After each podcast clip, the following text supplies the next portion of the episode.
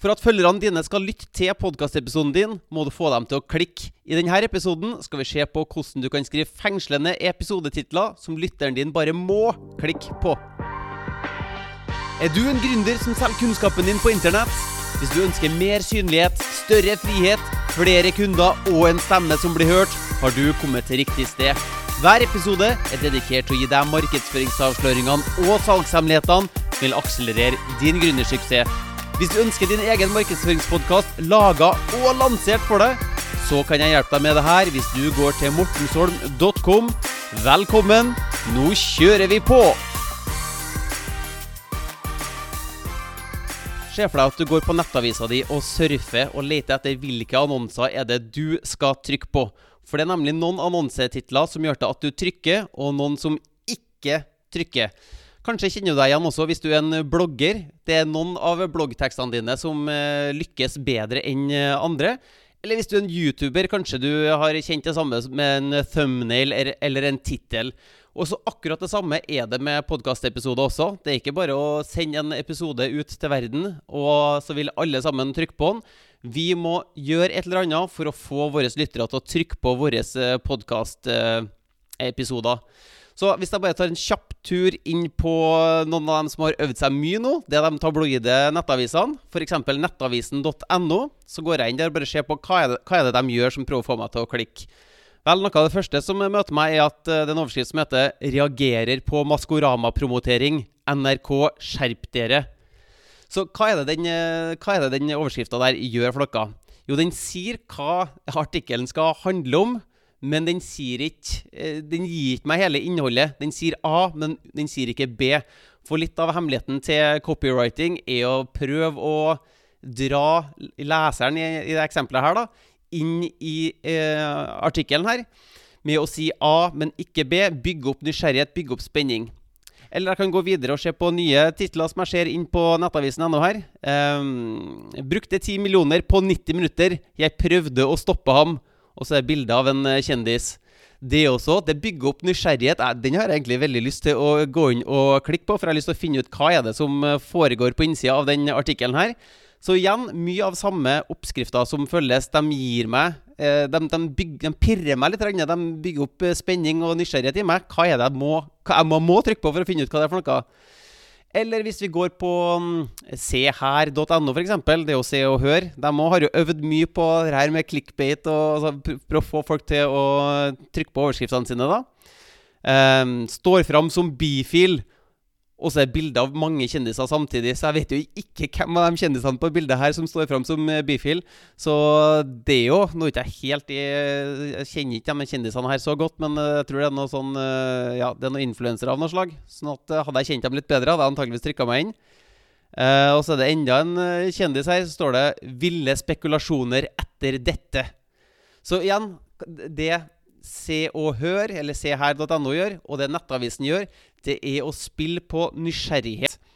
Uh, for vi må se for oss en graf her hvor uh, lytteren din vet alt på den ene sida, eller de vet ingenting på den andre sida. Så hvis, uh, hvis episodetittelen din avslører alt som skal skje i episoden, så er det kanskje ikke så interessant å trykke på episoden din. Og hvis den avslører ingenting, så er det heller ikke interessant. Så vi må finne ut en eller annen sånn mellompunkt mellom å si alt og si ingenting. For det er der nysgjerrighet uh, blir skapa. Så eh, hvordan kan du si hva episoden din skal handle om, men uten at du røper alt sammen? Eh, jo, du må bygge opp nysgjerrighet. Så jeg tenkte vi kunne spasere oss gjennom noen eksempler her nå. jeg kunne ha gått gjennom 100 eksempler, men la oss nå bare ta noen maler, da. Ehm, hvordan X uten Y kan være en eh, mal å gå ut ifra. Altså hvordan kan du nå et eller annet Altså hvordan oppnå X, altså hvordan oppnå drømmen, uten Y, uten noe ubehag. Hvordan bli eh, slank uten å trene daglig, eller eh, noe sånt her, da. Så hvordan X uten Y, det kan være en fin oppskrift eh, å, å eh, kna litt, og se om det kan være noen gode episodetitler inni der. Så har vi det her med hemmeligheter og avsløre hemmeligheter og sånn også. Kan også være noe vi kan se på. Eh, tre hemmeligheter kunde må kjente for å ha suksess med ønske.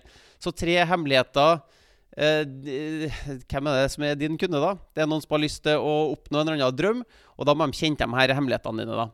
Eller det kan være tre avanserte metoder kunde må kjenne til for å ha suksess med ønske.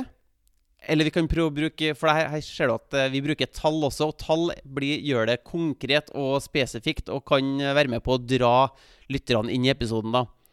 Eller vi kan ha fem ting alle kunder må vite for å ha suksess med ønske.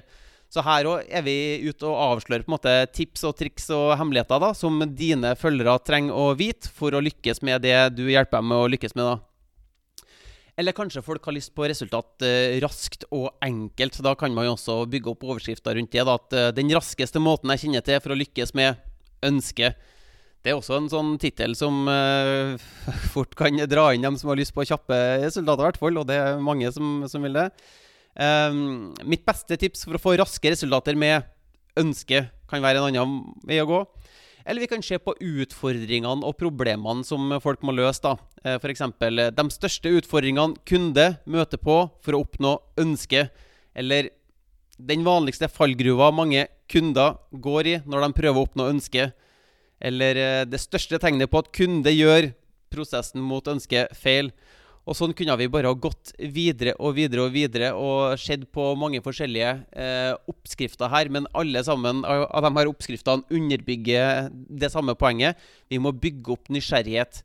Um, da jeg først uh, begynte med podka podkasting, så så jeg at mange av de, podcast, de svake podkasterne hadde intervjupodkaster hvor det bare sto uh, 'intervju med X', eller noe sånt.